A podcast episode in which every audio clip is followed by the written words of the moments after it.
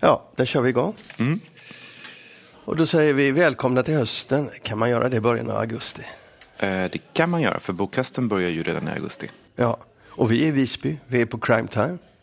Och vi är Lasse Winkler. Och du är Kristoffer Lind. Som vanligt. Och idag ska vi göra en deckarspecial. Det ska vi göra, men jag tänkte att vi först skulle ta upp lite mm, läsarfrågor. Vi har ju fått in en del sådana, eller läsarkommentarer kan man säga. Right. Eh, Det är rätt många som har påpekat att när vi talat om Hans Fallada så har vi inte haft rätt i vilka titlar som vi har givit ut. Vi har helt enkelt glömt en. Ja, Eh, Och det är ju väldigt korrekt, så att jag tänkte att bara att vi skulle få det rätt. De som har- har kommit på svenska är alltså Ensam i Berlin, Pinneberg, Varg bland vargar på livstid, Fängelsedagboken och sen kommer faktiskt i januari ytterligare en, Hackendal ser sig aldrig. Och dessutom så har vi köpt en biografi. Så att de, de, som, de som har fått fa- Fallada på, eh, på sin Hjärna. hjärna, ja, de kan, de kan något se fram emot. Sen har vi fått en synpunkt från en mycket prominent eh, förläggare i branschen som eh, eh, tycker att du inte har rent mjöl i påsen. Nej. Hon var på eh, Bokmässans eh, presentation av eh, höstens eh, seminarieprogram. Och där träffade hon dig. ja. Och då förstod hon att du jobbar för Bokmässan. Och då tyckte hon att det var väldigt, väldigt eh, ohederligt att inte du talade om det. ja, vi pratade ju om det att nästa gång vi har ett inslag så ska vi berätta det. Ja. För jag håller med henne att det ska man säga. Och då kan jag säga det då att jag jobbar med Bokmässan den här konflikten har gjort det ända sedan, eh, sedan eh, förra Bokmässan. Då jag satt för ett, på ett seminarium där och ledde Ja. det när de började diskussionen vad de skulle göra i framtiden. Fast, eh, vi, eh, hur ska vi säga det här? Eh, Jag visste inte riktigt heller detta, eller snarare så här, du har väl inte jobbat, alltså du gjorde på Bokmässan förra året så ledde du ett seminarium som handlade om själva debatten, det var Ja, väl det? ja. Så det är inte så att du har jobbat för Bokmässan som någon slags PR-maskin för att... Nej, det gör jag inte nu heller. nej, nej, det gör inte du heller. Nej, vad jag gör alltså det är helt enkelt att, att jag, eh, hur ska man uttrycka det nu, man ska inte göra sig större än man är. Men säg så här att jag rådgiver dem eh, mer i den så att säga mediala aspekten. Till exempel så här va, det finns på deras hemsida en eh, frågor och svar. I alla frågor som berör den här konflikten, vad man tycker och så. Som jag har skrivit om. Okej. Och det är den typen av jobb. Ja. Eh, Men, men jag råder dem liksom inte PR-mässigt. och Nej, nej. Då har vi rätt ut det och eh, jag tror ju inte att du hade haft någon annan uppfattning i själva sakfrågan oavsett. Men, Nej, nej, det men det. eh, den här prominenta förläggaren tyckte att vi borde redovisa detta. Helt rätt. Shame on me. Jag säger det på engelska så känns det inte så som om jag säger Jag det hade på tänkt att jag skulle överraska dig med detta, att du skulle liksom bli lite ställd mot väggen och så, men du tog ju detta bra. Ja, gör man bort sig så, för jag, jag, har nog, jag skulle ha sagt det tidigare. Så Ja. att, eh, absolut. Men nu är vi i Visby. Nu är vi i Visby. Och eh, nu ska vi prata deckare. Mm. Varför det? Ja, för att vi är på crime time. Och dagen till ära har vi bytt upp oss rent tekniskt. Så nu kan vi inte bara röra oss fritt i olika miljöer och spela in uh, var som helst. Vi kan också bjuda in gäster, vilket ni kommer att märka rätt snart och under hela hösten. Här i Visby rör vi oss bland författare, förlagsfolk och deckarläsare, en salig blandning. Så vi har passat på att fånga några förlagsmänniskor i vimlet och bett dem om deras deckarfavoriter, deras personliga bästa tips till våra läsare, eller lyssnare får man säga då. Enda kriteriet är att de får inte prata om det egna förlagets böcker. Och vi spränger in dessa inslag nästan som reklaminslag mellan vår egen vardag. Så, Då sätter vi igång. det gör vi. Välkomna!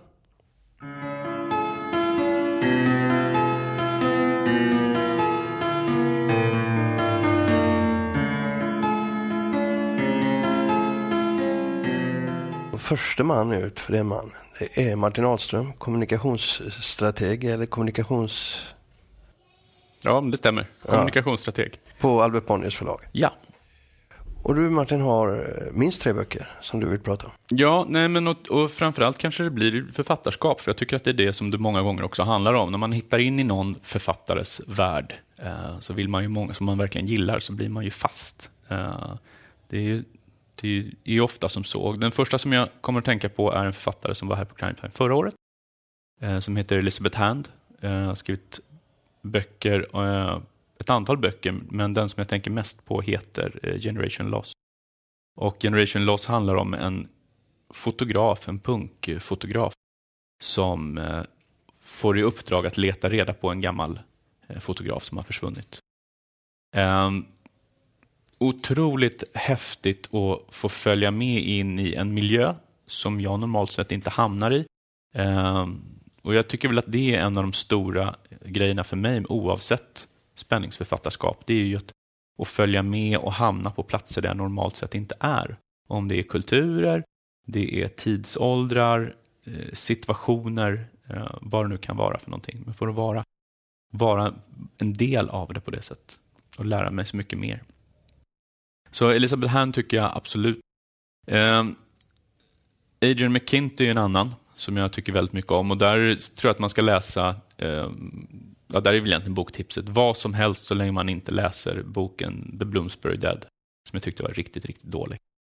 Ehm, och den, han har ett sätt, en känsla som jag har fått lite grann som de första gångerna som jag läste till exempel Dennis Lehane eller Pelikanos eller någon av de här. Um, jag tycker väldigt mycket om hans böcker som utspelar sig i Nordirland just under alla de här brutala åren där man hade den eskalerande fighten mellan då, eh, katoliker och protestanter. Eh, och skildra en mordutredare som måste på olika sätt på polisstationen röra sig mellan de här två olika lägren. Eh, han själv har jag för mig är katolik och eh, polis.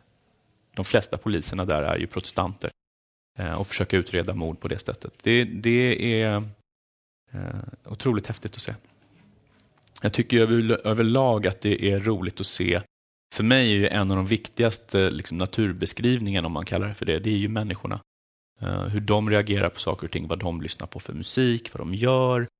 Eh, ja, hur de så att säga ser på sin omvärld precis just där och då. Uh, tycker jag är väldigt häftigt.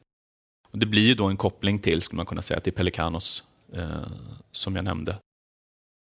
Och han är ju eh, Pelikanos har Naturkultur givit ut och Eddie McKinty tror jag Modernista har givit ut. Eh, Pelikanos tycker jag är häftig på det sättet att han gör samma sak fast på många olika sätt. Han har förflyttat mig till 50, 60, 70, 80-tal i Washington under många av de här eh, riktigt, riktigt hårda åren i invandrarkvarteren. Eh, följa en grekisk familj, en grekisk släkt eh, Oavsett, även om böckerna är så att säga inte hör ihop som en serie på det sättet, så är det karaktärer som går fram och tillbaka in i det här universumet på ett väldigt, väldigt häftigt sätt. Um, och sen tittar man tillbaka, för jag tycker ofta att det är så, man hamnar ofta i den situationen man tittar på de som man läser nu eller den musiken man lyssnar på nu. Vad har de influerats av? Och då går man ju ofta mer och mer bakåt. Ehm, så ska man titta på mer historiska så är det väl egentligen eh, det är en bok och ett författarskap. Charles Wilford som jag eh, upptäckte som skrev deckare under 70-talet. Ehm, Miami, 70-tal, Florida. Ehm, man får lite grann de här bilderna ifrån Beastie Boys-videon Sabotage i huvudet med de här mustaschprydda eh, herrarna som hoppar över balkonger och så vidare. Eh, otroligt häftiga miljöer. Ganska hårdkokt, väldigt smart. Eh, så de böckerna tycker jag otroligt mycket om. Caleb Carr är en författare som har skrivit ett antal olika böcker, men han skrev framför allt en bok som heter, eller har skrivit en bok som heter The Alienist. Som för mig är lite grann en sorts, lite verk, verklighetsbaserad liksom, Sherlock Holmes i New York i början av 1900-talet. Där vi har en polismästare som eh, heter Roosevelt eh, och det är precis egentligen vetenskapens och, och psykiatrins första, när man börjar plocka in det i polisutredningar och, och så vidare. Eh, hittar man ett exemplar av den boken, den finns inte på svenska vad jag vet, men hittar man ett exemplar så ska man kasta sig över den. Noterat. Men, men du har ju genom åren, du jobbar ju med det här med eh, litteratur till vardags. Ja, stämmer bra. Och du, eh, om jag frågar så här, om du får välja ett författarskap som ni inte har idag på Albert Bonniers förlag, välja utan att ta hänsyn till någonting. Vad skulle du välja då? Ja, men det där är lite klurigt. Alltså, anledningen till att jag valde de här också, förutom att de för mig är viktiga och att de alla är utländska författarskap, är ju för att, att jag, jag valde författarskap som jag så att säga, inte arbetar med idag, eller som mina kollegor arbetar med. Eh, därför att det finns så pass otroligt många bra författarskap där, så det blir orättvist att välja ut tre eller fyra. Eh, det är svårt att säga. Eh, jag har ju förmånen att idag arbeta med författare, författarskap som jag har följt sedan jag var liten eller som jag har upptäckt med åren. Eh, jag har egentligen inga sådana som jag kan se eh, att jag, det här är det som jag verkligen skulle vilja liksom, jobba med utöver det som jag arbetar med. För jag är så otroligt privilegierad i det som jag gör idag. Ehm, eh, jag har ju jag har ett arbete som någonstans handlar väldigt mycket om att jag eh, får träffa människor och vara med om andra människor som berättar om sina läsupplevelser. Vi har några av mina bästa dagar, eller min bästa dag i veckan är onsdagar. Vi har utgivningsmöten på onsdagar. Eh, och det börjar med helt enkelt att jag får börja mina dagar med att sitta och lyssna på otroligt kompetenta, intelligenta, passionerade läsare i form av våra förläggare som får berätta om böcker som de väldigt gärna vill att vi ska ge ut. Och det är ju fantastiskt att få sitta på arbetstid och få liksom lästips. Eh, och det är ju lite grann som så också, att, ska man väl poängtera, att jag som kommunikationsstrateg och representant för kommunikation och sälj och så vidare, det är inte så att jag sitter och säger ja eller nej, eller, utan jag har ju en rent rådgivande roll eh, på de här mötena.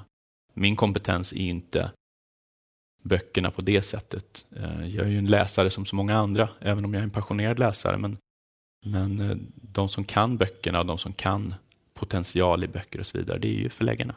Så att, eh, att få sitta där då på onsdagar och bara lyssna, det är lite som julafton.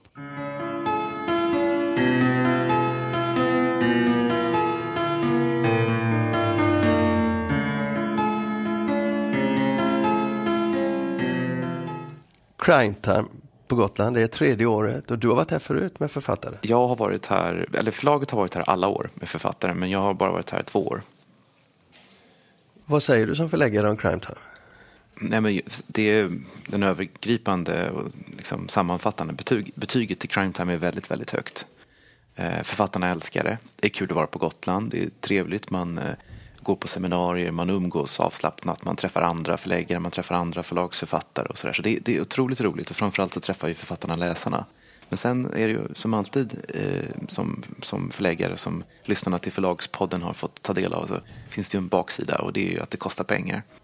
Eh, och att eh, man måste få tillbaks någonting. Eh, och eh, antingen kan man få tillbaks det på just sådana här festivaler så finns det någon slags tanke om att man ska nå ut till nya läsare, man ska eh, sälja böcker eller man kanske ska få press. Och där, där är det väl lite si och så. Alltså crime time har varit ganska dyrt och eh, eh, i stort sett har det inte varit några journalister här. Förra året var det väldigt lite och i år så är det ännu mindre. Förlagspodden är ju här förstås. För första gången? Mm. Men vilka författare har du i år? Eh, det är Marianne Cedervall som ju är Gotlands författare. Det är ju ganska många Gotlands författare här såklart. Uh-huh. Och det är ju faktiskt förvånansvärt många svenska deckarförfattare som, som eh, har böcker som utspelar sig på Gotland. Och det är väl också en av förklaringarna, eller inte bara förklaringen, men det är väl också en av anledningarna till att festivalen är här. Så Marianne Cedervall är, är här förstås. Och sen ser det Jonas Moström, Tove Alsterdal som också är som moderator, inte bara författare. Och eh, Mikko Porvali som är då gäst från Finland. Men förra året, så, om jag inte minns fel, så hade du fler författare? Ja, vi var väl åtta, åtta nio stycken förra året. Men varför har du dragit ner det? Ja, det kostade för mycket. Det, får, förlagen får ju då betala för att författarna ska vara här och eh, man kan förhandla lite grann och ibland kan man få ner det i, i enskilda fall. Men i stort sett så betalar vi 25 000 kronor per författare plus boende och resa och sådär. Så det blir ju ganska dyrt. Kan alla typer av författare fungera på ett sånt här ställe? Eller har du en tanke när du väljer ut de här fyra? Ja, det där är en bra fråga. Um, det där är en bra fråga. Alltså, sanningen är väl den att vissa personer är bättre på att prata inför publik än vad andra är. Och vissa, vissa författare skriver böcker som lämpar sig väldigt väl för att man kan prata om dem på olika sätt. Men Tove Alsterdal exempelvis har ju varit här alla tre år och eh, hon, eh, förra, hon har jättemycket seminarier och det, eh, hon är en väldigt tacksam författare på det sättet för att hon kan, man kan liksom prata om hon och Mikko Porval hade ett seminarium igår som handlade om mm, borderline, gränser och identitet och såna saker. Så det, det, det, där är väl lite olika men uh, ur förlagsperspektivet så, så, så, handlar det om att man ska ta hit dem som, man, som är värda att åka hit och det ska vara lite rättvist och sådär. Det, är, det är en kombination av de som vill åka och de som, de som uh, har en aktuell bok och sådär. Men, ja, det är klart. Men, det, men det, där, det där är ju ett problem kan jag säga också som besökare för jag är ju också här och går och lyssnar på ganska mycket och det är att om man har varit här alla tre år så eh, finns det ju en viss repeti, rep, det finns ett repetitivt inslag i själva teman. Det är, samma, många av, det är 50 författare här i år och eh, i stort sett så är ju 70-80 procent av den svenska deckareliten är ju här på plats. Och eh, det kan vara lite svårt att variera om du ska tala med samma författare som kanske skriver samma typ av bok. Ja, det kan jag då som, som besökare som går omkring och lyssnar på, på eh, seminarier intyga. Ja, jag har ju tittat, eh, jag har varit på olika seminarier som jag sa och det är mellan 30 och 100 pers. 30-35 på det som var minst och så 100-120. Mm. Några har varit fullsatta då. Det är ju ganska bra. Ja, det, det är på den nivån det är. Det skulle kunna vara större, lite större, eh, absolut. Men det som slår mig om jag jämför med till exempel eh, Deckarfestivalen i Harrogate som mm. jag tycker är den bästa festivalen av alla. Den är ju väldigt trevlig. Ja, de har ju tagit en del idéer därifrån och eh, Harrogate är ju också en liten eh, spastad. Där, men där bor alla på samma hotell och där är alla i stort sett i samma fåtal rum. Men skillnaden med Harrogate är att den är driven av författare. Den här är driven av förlagen och då finns det, i alla fall i min värld, en skillnad. Och då blir det mer en del hänsynstagande som kanske inte gör festivalen mer spännande som den borde vara, tycker jag. Då. Men det finns gott om ljusglimtar. Jag kanske, en, en jag kanske är för hård. En av de stora idéerna som de har tagit från Harrogate är att, att, att själva festivalen utspelar sig på en liten, väldigt, väldigt vacker idyllisk ort där folk bor relativt nära varandra på olika hotell och där det finns olika då små seminariescener som man går emellan och att det uppstår en väldigt intim atmosfär mellan just läsare och författare. Att man kan gå till baren och så står Håkan Nesse där. Jag har mest stressat runt för att få in så många eh, seminariepunkter som möjligt för att kunna göra en bedömning. Ja. En bedömning som jag gör som jag tror är viktig det är när man är van vid till exempel Harrogate, man lyssnar på engelska, amerikanska, skotska och irländska författare och var de nu kommer ifrån, svenska också för all del som pratar på engelska då, så eh, är det oerhört livfullt, oerhört eh, intelligenta samtal och enormt skarpa vinklar och så. Och då märker man ju att de här eh, anglosaxiska författarna har en otrolig vana att framträda inför publik och en avslappnande attityd. Mm. Det är vi inte så vana vid i Sverige tycker jag. Det märker man här. Det är, det är ju sant, men jag, jag, tror att um, det här är väl kulturella skillnader mellan svenskar och, och engelsmän som, som man inte kan göra så mycket åt. Det är ju bara att titta på, jämför, om du jämför politiker, jämför Prime Ministers question med, med eh, frågestunden i riksdagen. Oh. Det, det, är liksom, det, det, är bara, det är bara att inse att vi är ganska tråkiga jämfört med engelsmännen. Som ja, de, har en, galna. de är galna, men de har ju en, eh, en förmåga att till synes vara väldigt lättsamma, roliga, underhållande samtidigt som de är analytiska och levererar någon slags innehåll. Så det, det, det här är ju li, lite mer svensk mellanmjölk, men, men, men gott så. Ja, alltså det är bra. Och eh, det är viktigt tror jag för eh, deckarutgivningen och deckarälskarna att det finns en sån här festival. Um, nu finns det ju fler festivaler i Sverige, deckarfestival. Ja, det finns ju en i Sundsvall faktiskt. Som... Ja, jag har aldrig varit där. Nej, hur som, det är, eh, jag tycker den är viktig och den är bra för, för deckargenren.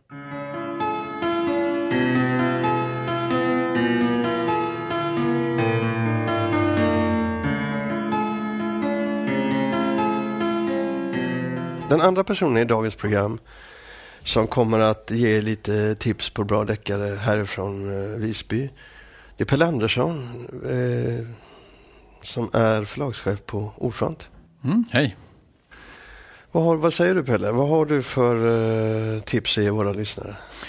Ja, lite tråkigt, men jag är också väldigt fascinerad alltså, av en av årets bästa deckare. Det är ju den här största av allt av Malin Persson Giolito. Som jag tycker har varit fantastisk. Den har jag läst i sommar och tycker den var väldigt, väldigt bra. Rekommenderad av min fru faktiskt att jag skulle läsa den. Och jag hade väl lite fördomar. Jag trodde inte det skulle vara så bra som det var. Och blev, jag tycker det är ibland kanske inte så engagerande. Jag blir kanske inte så känslomässigt engagerad. Men jag tycker det är otroligt skickligt gjort. Att ha byggt upp en, en deckare kring bara liksom någon slags inifrån perspektiv kring en händelse av en persons berättelse. Alltså det, det, är otroligt skickligt att bygga en hel roman kring det där med återblickar och minnen och sådär. Alltså jag tycker det är, det är skickligt att få det levande. Ja.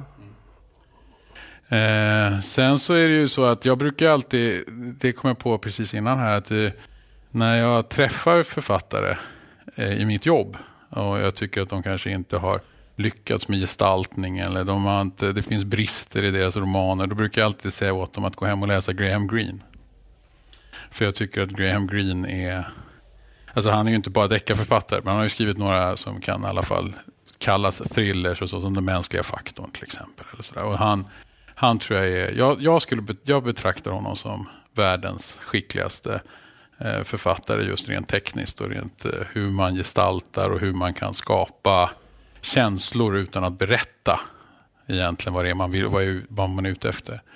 Det finns ju sådana scener i den där boken som kan vara så att man plötsligt upptäcker efter man läst en lång stund att det regnar.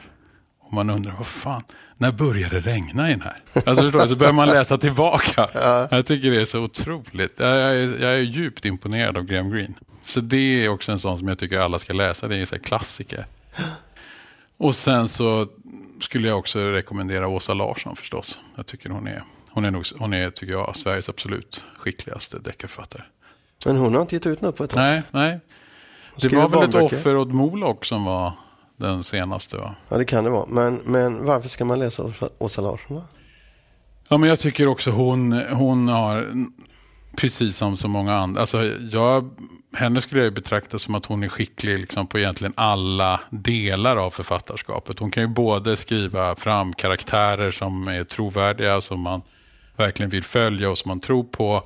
Och hon är ju en, en skildrare av natur och naturupplevelser och kyla, alltså hela det här norrländska, norrbottniska klimatet och sådär. Alltså hon, hon kan få fram lite sådär som jag kan också känna då med Graham Greene, det här att ja, det här hotet från naturen eller kölden. Eller, alltså hon kan verkligen gestalta hur, hur naturen agerar mot oss, hur små vi blir och sådär som människor. Jag är, jag är djupt imponerad av Åsa Larsson.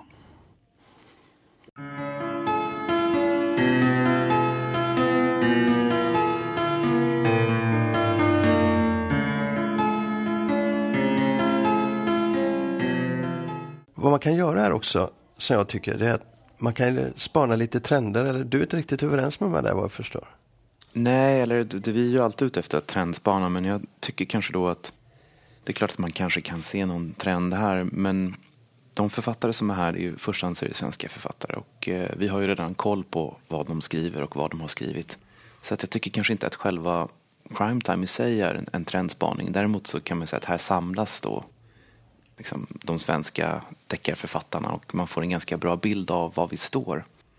Men eh, den, den, den, bilden är ju inte egentligen ny för oss. Det är sant, men den kanske är ny för lyssnarna? Ja, den kan, det kan ju absolut vara ny, ny för lyssnarna. Så vad, vad, ser du när du tittar omkring här? Nej, men om man, om man ska titta på deckaren lite mer sådär genremässigt och, och formatmässigt så tycker jag väl att man kan säga att den svenska polis deckaren står sig oerhört starkt. Av de som eh, har nått de absolut största försäljningstopparna så skriver ju alla, nästan alla traditionella polisdeckare. Eh, och här ser vi, ser vi naturligtvis att det finns, eh, jag tänker att det finns ju några andra utbrytare sådär. För några år sedan så fanns det nästan som en trend med svenska författare som skrev internationella thrillers, oftast med stor storpolitiska motiv och sådär. Eh, Thomas Engström gjorde det, Fredrik Thielsen gjorde det, Don Selberg gjorde det. Kepler skrev en bok 2016 tror jag, som hette Playground. Förra året, det vill säga, som utspelar sig i Kosovo. Eh, och den där, ingen av de där blev särskilt stora i Sverige. Kepler förstås, men, men inte som deras vanliga serie. Eh, och det, där, det där har väl varit en, en trend som, där man kan notera att det finns en vilja och en önskan hos författarna och säkert hos förlagen också att göra någonting som avviker lite grann från den här traditionella polisromanen som inte riktigt har lyckats. Ja, alltså grejen är ju den att jag tror att de flesta förläggare är rätt trötta på polisromaner när de får nya manus.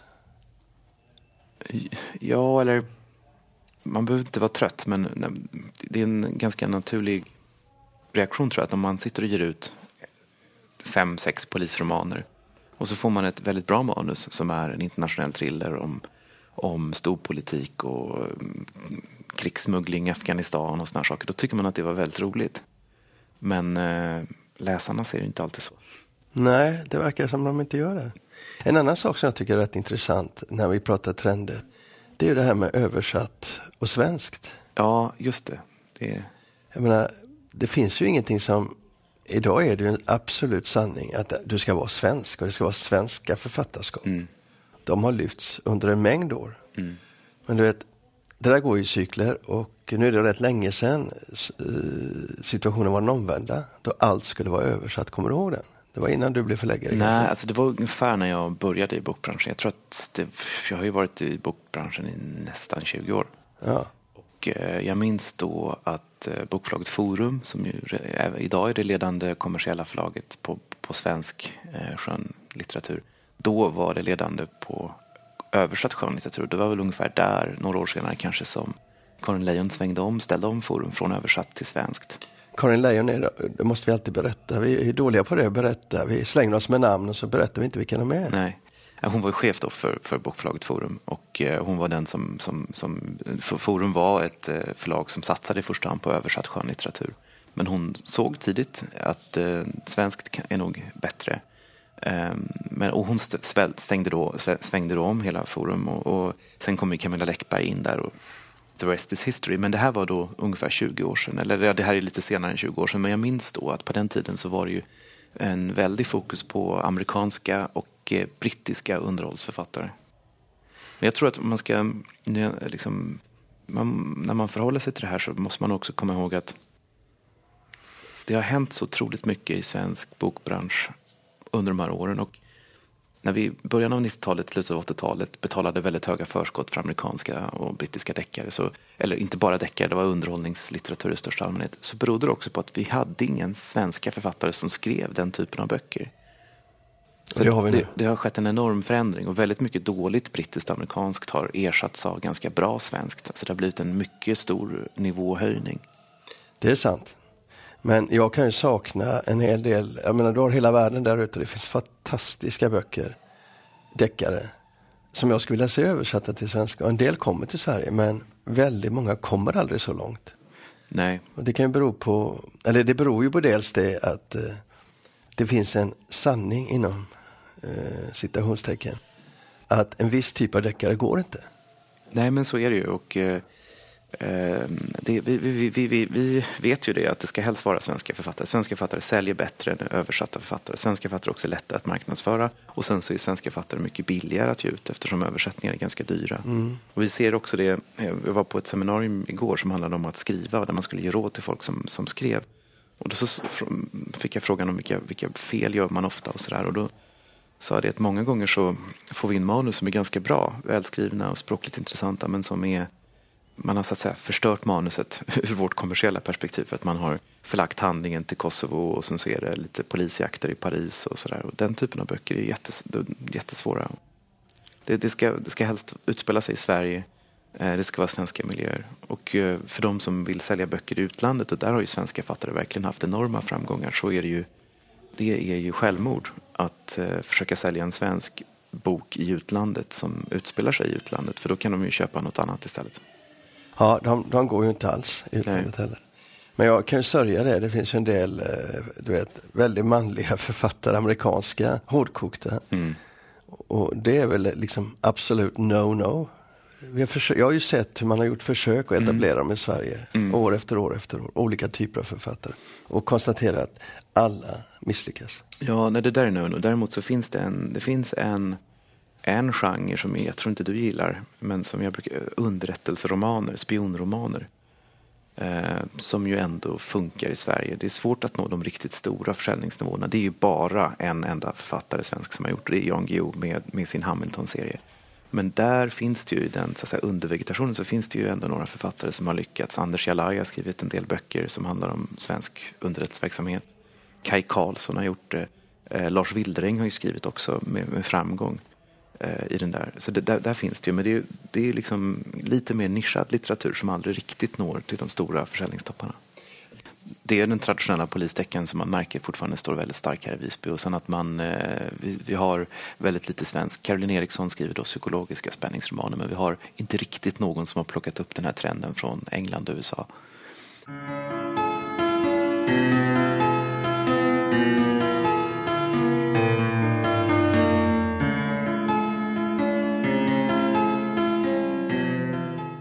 Karin Linge Nord, förläggare på Forum. Mm.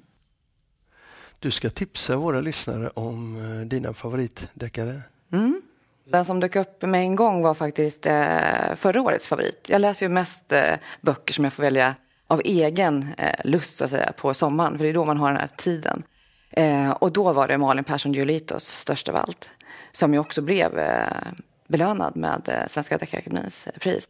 Mm. Det var en sån där läsupplevelse, du vet, när man bara dyker in i en bok och, och sveps med. Och jag kunde verkligen inte sluta läsa, för den var så otroligt eh, intelligent uppbyggd med alla de här vändpunkterna och framför allt språket, alltså hur de lyckas fånga den här eh, tonårstjejen, hennes röst. Och också det att det kändes så nytt och spännande med ett rättegångsdrama. Alltså det, jag kunde i alla fall inte påminna mig eh, någon spänningsroman som just har den settingen. Det finns ju många amerikanska kriminalromaner som, som har den miljön, men inte i Sverige. Och sen framförallt också att den blir en så initierad skildring av Sverige idag med klasskillnader, med utanförskap och orättvisor. Och, och att den var så psykologiskt trovärdig. Fantastisk läsning tyckte jag. Ja, det var verkligen roligt för att eh, jag har inte läst Malin Persson Giolito tidigare. Nej, och det är så härligt att upptäcka en ny författare. Det är ett sånt här tips att man känner att man kan man kan ge det till vem som helst. För jag, annars kan jag känna så här att jag måste, man måste vara, göra ganska mycket avvägningar. Är det här en bok för just den här personen? Eh, men den här boken känner jag att den kan jag i princip tipsa vem som helst om. Mm. Mm. Och ditt nästa tips, vilket är det? Eh, ja, då valde jag faktiskt en eh, lite annan genre. För eh, vi är här på Crime Time i Gotland och eh, där har man ju valt att eh, se på det här med spänning ur ganska brett perspektiv och även då skräck. Eh, och då vill jag tipsa om Mats Strandbergs roman Hemmet som jag faktiskt lyssnade på i eh, somras. Jag gör mycket, när jag inte hinner läsa så lyssnar jag. Det är också perfekt tips. Då blir allting mycket roligare. Ogräsrensning eller diskning eller vad du än är. Um, och det är en så intelligent skräckroman med det ultimata temat. Därför att han har ju valt det här mycket, mycket suggestiva miljön att det är ett eh, ålderdomshem för senildementa. Och kan man tänka sig något smartare än att låta en senildement eh, kvinna vara besatt av onda andar? För det är ju vad han än säger, men min mamma, det handlar om eh, den här huvudpersonens mamma som hamnar på det här hemmet. Eh, och han, försöker, han känner ju direkt att det är någonting som inte stämmer. Men hon är ju också senildement. Så vad han än säger, att det är någonting med min mamma, jag känner inte igen henne. Nej men det är klart du inte gör, hon är ju senildement.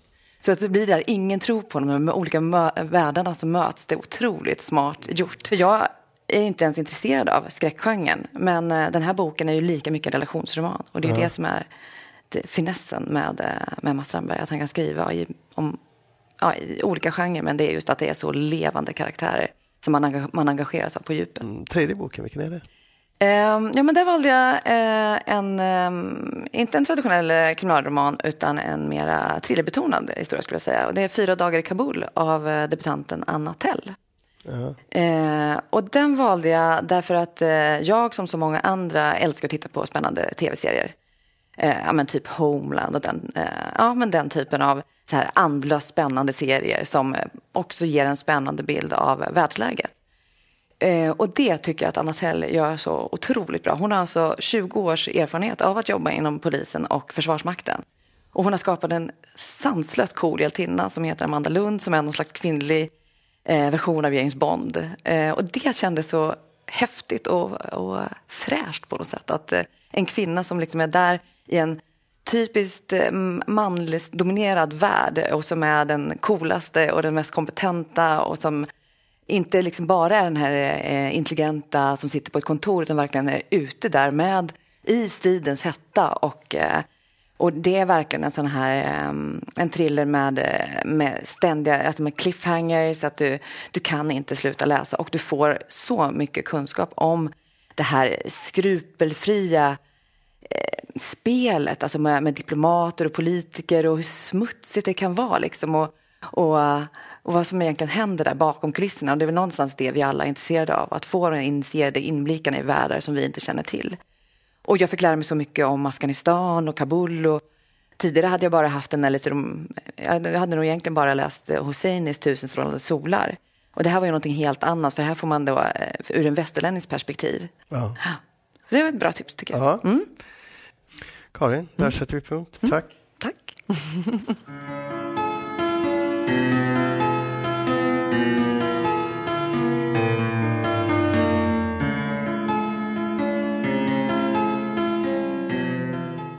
Nu ska vi gå över till något helt annat. Eller inte helt annat, men nu ska vi bryta lite och prata spaning. Spaning på nätet. Eftersom det är en deckarspecial vi kör nu mm. så har jag... Du har varit och googlat. ja, jag har varit och googlat. Nej, jag följer en, eh, en sajt, eh, eller en bloggpost som det kallas, på nätet. The Rap Sheet, en amerikan i mm. Seattle som eh, har en deckar, ska man säga, deckarsida som eh, är en väldigt bra startpunkt för den som älskar deckare och läser engelska givetvis och vill hålla koll på utgivningen. Eh, den har funnits i drygt 11 år. Är den amerikansk? Den är amerikansk, ja. Den har funnits i drygt 11 år. Och jag tror, jag läste, han firade nyligen att han hade skrivit 6800 inlägg, eller poster vad man ska kalla det. Och haft mer än 5 miljoner visningar. Oj, uh -huh det, det, är ett nytt sätt att mäta. Det är inte så när man mäter... Eh, antalet listningar i Förlagspodden? Nej, och inte heller när man mäter, mäter antalet utgivna ex av en tidning eller så. Men om man går in där så är det oerhört varierande kost man får. Man får två gånger om året får man långa utgivningslistor. Alltså vill du ha koll på vad som kommer? Januari, februari, han ordnar det efter månad och då har man både USA och Storbritannien. Det är fokus på de två då. Och det är väldigt mycket tv serie som ju är väldigt eh, intressant. Inte för, kanske för en bokutgivare men för eh, konsumenten. Och filmer. Och eh, så har han en rolig grej där han eh, låter gästskribenter komma in och eh, skriva om en bok. Mm. Det kan vara en bok från 40-talet, från 30-talet, alltså en deckare. Glöm inte den här boken. Den här boken måste du läsa. Nu, eh, nu är det 150 eh, inlägget på gång. Och det är böcker som vi aldrig hört talas om. Men alltså det är ett djup, det ger en, eh, för den som är intresse, riktigt intresserad, man kan nörda ner sig otroligt i den här sidan. Det låter kul, jag ska gå in och kolla, vad heter den sa du? The Rap Sheet. The Rap Sheet. Och sen så har han med jämna mellanrum, ska man säga, eh, genomgångar vad som skrivs i andra medier på nätet och i tidningar och så. Och så länkar han. Mm. Så du får de mest fantastiska intervjuer. Du får eh, de mest nördiga fakta. Och det räcker väldigt långt. Skriver han bara om amerikanska deckare då? Engelska amerikanska. Engelska amerikanska. Ja. Så att den rekommenderar jag folk som är intresserade av deckare och vill ha koll så är The Rap Sheet utgångspunkten. För sen kan du från The Rap Sheet ta det vidare till massor av olika en annan, en annan sak man skulle kunna säga där om man skulle försöka bena ut lite olika trender och så. Det är ju att amerikanska deckare ju inte alls är särskilt lätta att sälja i Sverige och att det är i första hand så är det ju engelska deckare som vi har översatt. Men de är också där.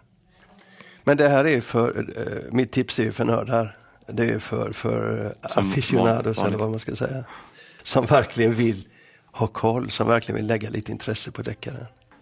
Tyvärr finns det ingen, jag, inte vad jag vet, svensk eh, sådan sajt. Nej, du kanske ska göra en sån. kanske det. Men, men, men eh, jag läser med nöje. Det där, det där var min spaning. En avslutande grej förresten, som han också han har mycket listor, du vet prislistor, tips och så vidare. Det är ju listor till förbannelse när det gäller eh, böcker och framförallt deckare. Årets bästa deckare. Ja, Så här är mitt tips. Mina tips till våra lyssnare. Eh, jag tror att det är bara åt, jag har satt upp åtta stycken tror jag. vilka är med på den då? Vilka svenskar är med på den? Sju, sju stycken är det bara. Sju stycken. Nej, inga svenska. Eh, absolut. Tyvärr. Men För att du inte tycker de platsar eller för att det ska vara en amerikansk lista? nej, nej, utan det är vad jag gillar. Vad jag gillar mest. Alltså jag, det är klart att jag har haft stor glädje av många svenska deckarförfattare. Men här har jag tagit de åtta bästa böckerna jag tycker. Den som skulle kunna ta sig in där, eller sju, sju bästa, det är en som skulle kunna ta sig in där när du säger så. Det är, det är Håkan Nesser. Eh, Den här eh, Kim Novak badade aldrig Genesarets sjö. Den var en oerhört fantastisk upplevelse. Och jag lyssnade den, han läste, läste Ja, in han den läser själv. ju väldigt bra. Ja, och, och det var en sån upplevelse som jag ännu inte har glömt. Alltså. Jag tycker det var en sån fantastisk bok. Det, en- det handlar om en uppväxt helt enkelt. Men det här är min lista och du brukar alltid klaga på mig att det är författare som ingen har hört talas om och som inte finns på svenska. De här finns i stort sett alla på svenska. Mm. Ska jag dra? Ja, visst. James Crumley, En sista riktig kyss, eh, The Last Good Kiss. Den finns på svenska, den finns också som e-bok på svenska. Jag var ju tvungen att kolla det för att inte du skulle klaga på mig. Här är en som inte finns på svenska och de står nu i bokstavsordning då, så det är inte någon värdering. Dan Fespermans The Warlords Son, som han eh, utspelar sig i Afghanistan, Afghanistan-kriget där. Eh, den finns inte på svenska. Dennis Minas Garnet Hill-trilogi. Du vet de tre första. Det är Minotaur. Det var Minotaur, ja, som gav ut dem. Men de finns ju fortfarande på svenska i pocket. Och så George Pelicanos ehm, Hard Revolution som heter En svart vår på svenska. Och det var Naturkultur som gav ut honom. Ja, han har var varit på lite olika... Han hör just till en av de här amerikanska giganterna som, som har väldigt hög status men som olika förlag i Sverige har kämpat med men ingen har lyckats. Nej, Naturkultur var verkligen de som kämpade. De tog hit honom. Eh, och det var när han var som mest populär också och skrev för The Wire. Så. Mm. Men sen har ju Modernista försökt också, de har inte heller lyckats. Men Hard Revolution, Drama City och Soul Circus är tre stycken fantastiska böcker. De utspelar sig i Washington va? Ja, det utspelar sig i Washington. Och Nick Pizzolatto, Galveston. Det är Nick Pizzolatto var ju den som gjorde eh, True Detectives på tv. Eh, Peter Temple, Truth, som heter Sanning på Det är svenska. också Minotaur. Gamla Minotauren. Nej, det är eh, Kabusa. Ja, det stämmer. Det är den australiensiska författaren, Ja? Jag ja. tror att Kabusa bara gav nog bara ut två titlar på svenska. Eh, tre. Tre, okej. Jag Och den finns fortfarande att få tag i. Om det är någon av våra lyssnare som verkligen vill ha tag i den så är det bara att ta kontakt med mig så fixar jag text. Den finns som pocket fortfarande. Mm. Du har en liten låda hemma. Nej, men jag, jag frågade Kerstin då som är, är eh, Kabusa så att säga. Va?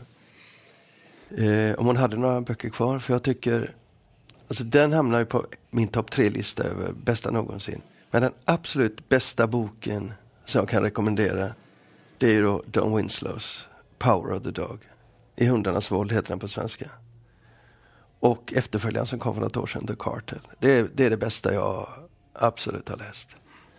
Så Don Winslow och Peter Temple eh, finns där, de tre böckerna. Men ska du få en grej till som du inte ofta får och det är eh, Vad kan det vara? du får tåla det här. Författarskap. Jag tycker att ibland så pratar man ju om eh, böcker, enskilda Ja, böcker. ja. Det är intressantare att prata om författarskap. Och alla de här som jag har nämnt nu, jag rekommenderar hela deras författarskap. Och sen så kan du lägga till då Elmo Leonard, Adrian McKinty, Carl Don- Dion Mayer, James Lee Burke, John le Carré. Jag skyndar mig nu för jag blir stressad av att du inte är intresserad. Men Jo, tänker- jag är intresserad. Jag, jag skrev bara en anteckning här om författarskap. Ja. För Eh, Peter May, Sara Paretsky, Peter Robinson, Philip Kerr, Gene Kerrigan, två till, Tony Hildeman och eh, Daniel Woodrell. ja, nej, men jag känner till nästan alla Ja, allt av dem kan man läsa och eh, på svenska. Nej, många finns på svenska. Många finns ju inte längre på svenska, va? men till exempel Daniel Wodrell gav ju Naturkultur ut Mm. och, och körde tre eller fyra titlar som inte sålde någonting. Nej. Fantastiskt. Och de stod också för Tony Hillerman. Och det där är århundradets gåta. För det var ju länge sedan jag pratade då med ledningen för Naturkultur varför de gav ut Tony Hillerman fast han sålde 500 ex. De gav ut bok efter bok efter bok. Jag var ju jättelycklig att de gjorde det. Men de tyckte att de hade ett moraliskt ansvar. Och det var på den tiden när de gav ut den typen av böcker. De Ja. gör inte det längre alls. Nej, men de hade tyckt sig ha ett moraliskt ansvar även för böcker som inte sålde så mycket. Ja, men det av nog alla goda förläggare. Ja, Ja. men, Men, men, eh, en- en- en där har sak- ni i alla fall eh, mina favoriter. Vi tackar dig Lasse för din lista. Det får bli sista ordet i eh, dagens deckarspecial. Vi kommer att göra två stycken special. Ja, och eh, i eh, nästa del så har vi med en författare. Vi kommer att fokusera enbart på den här författaren därför att det är en sån udda författare. Ja, det är en författare som vi har talat väldigt mycket om trender och det här är en författare som bryter mot alla trender. No names, det tar No vi names. nästa gång.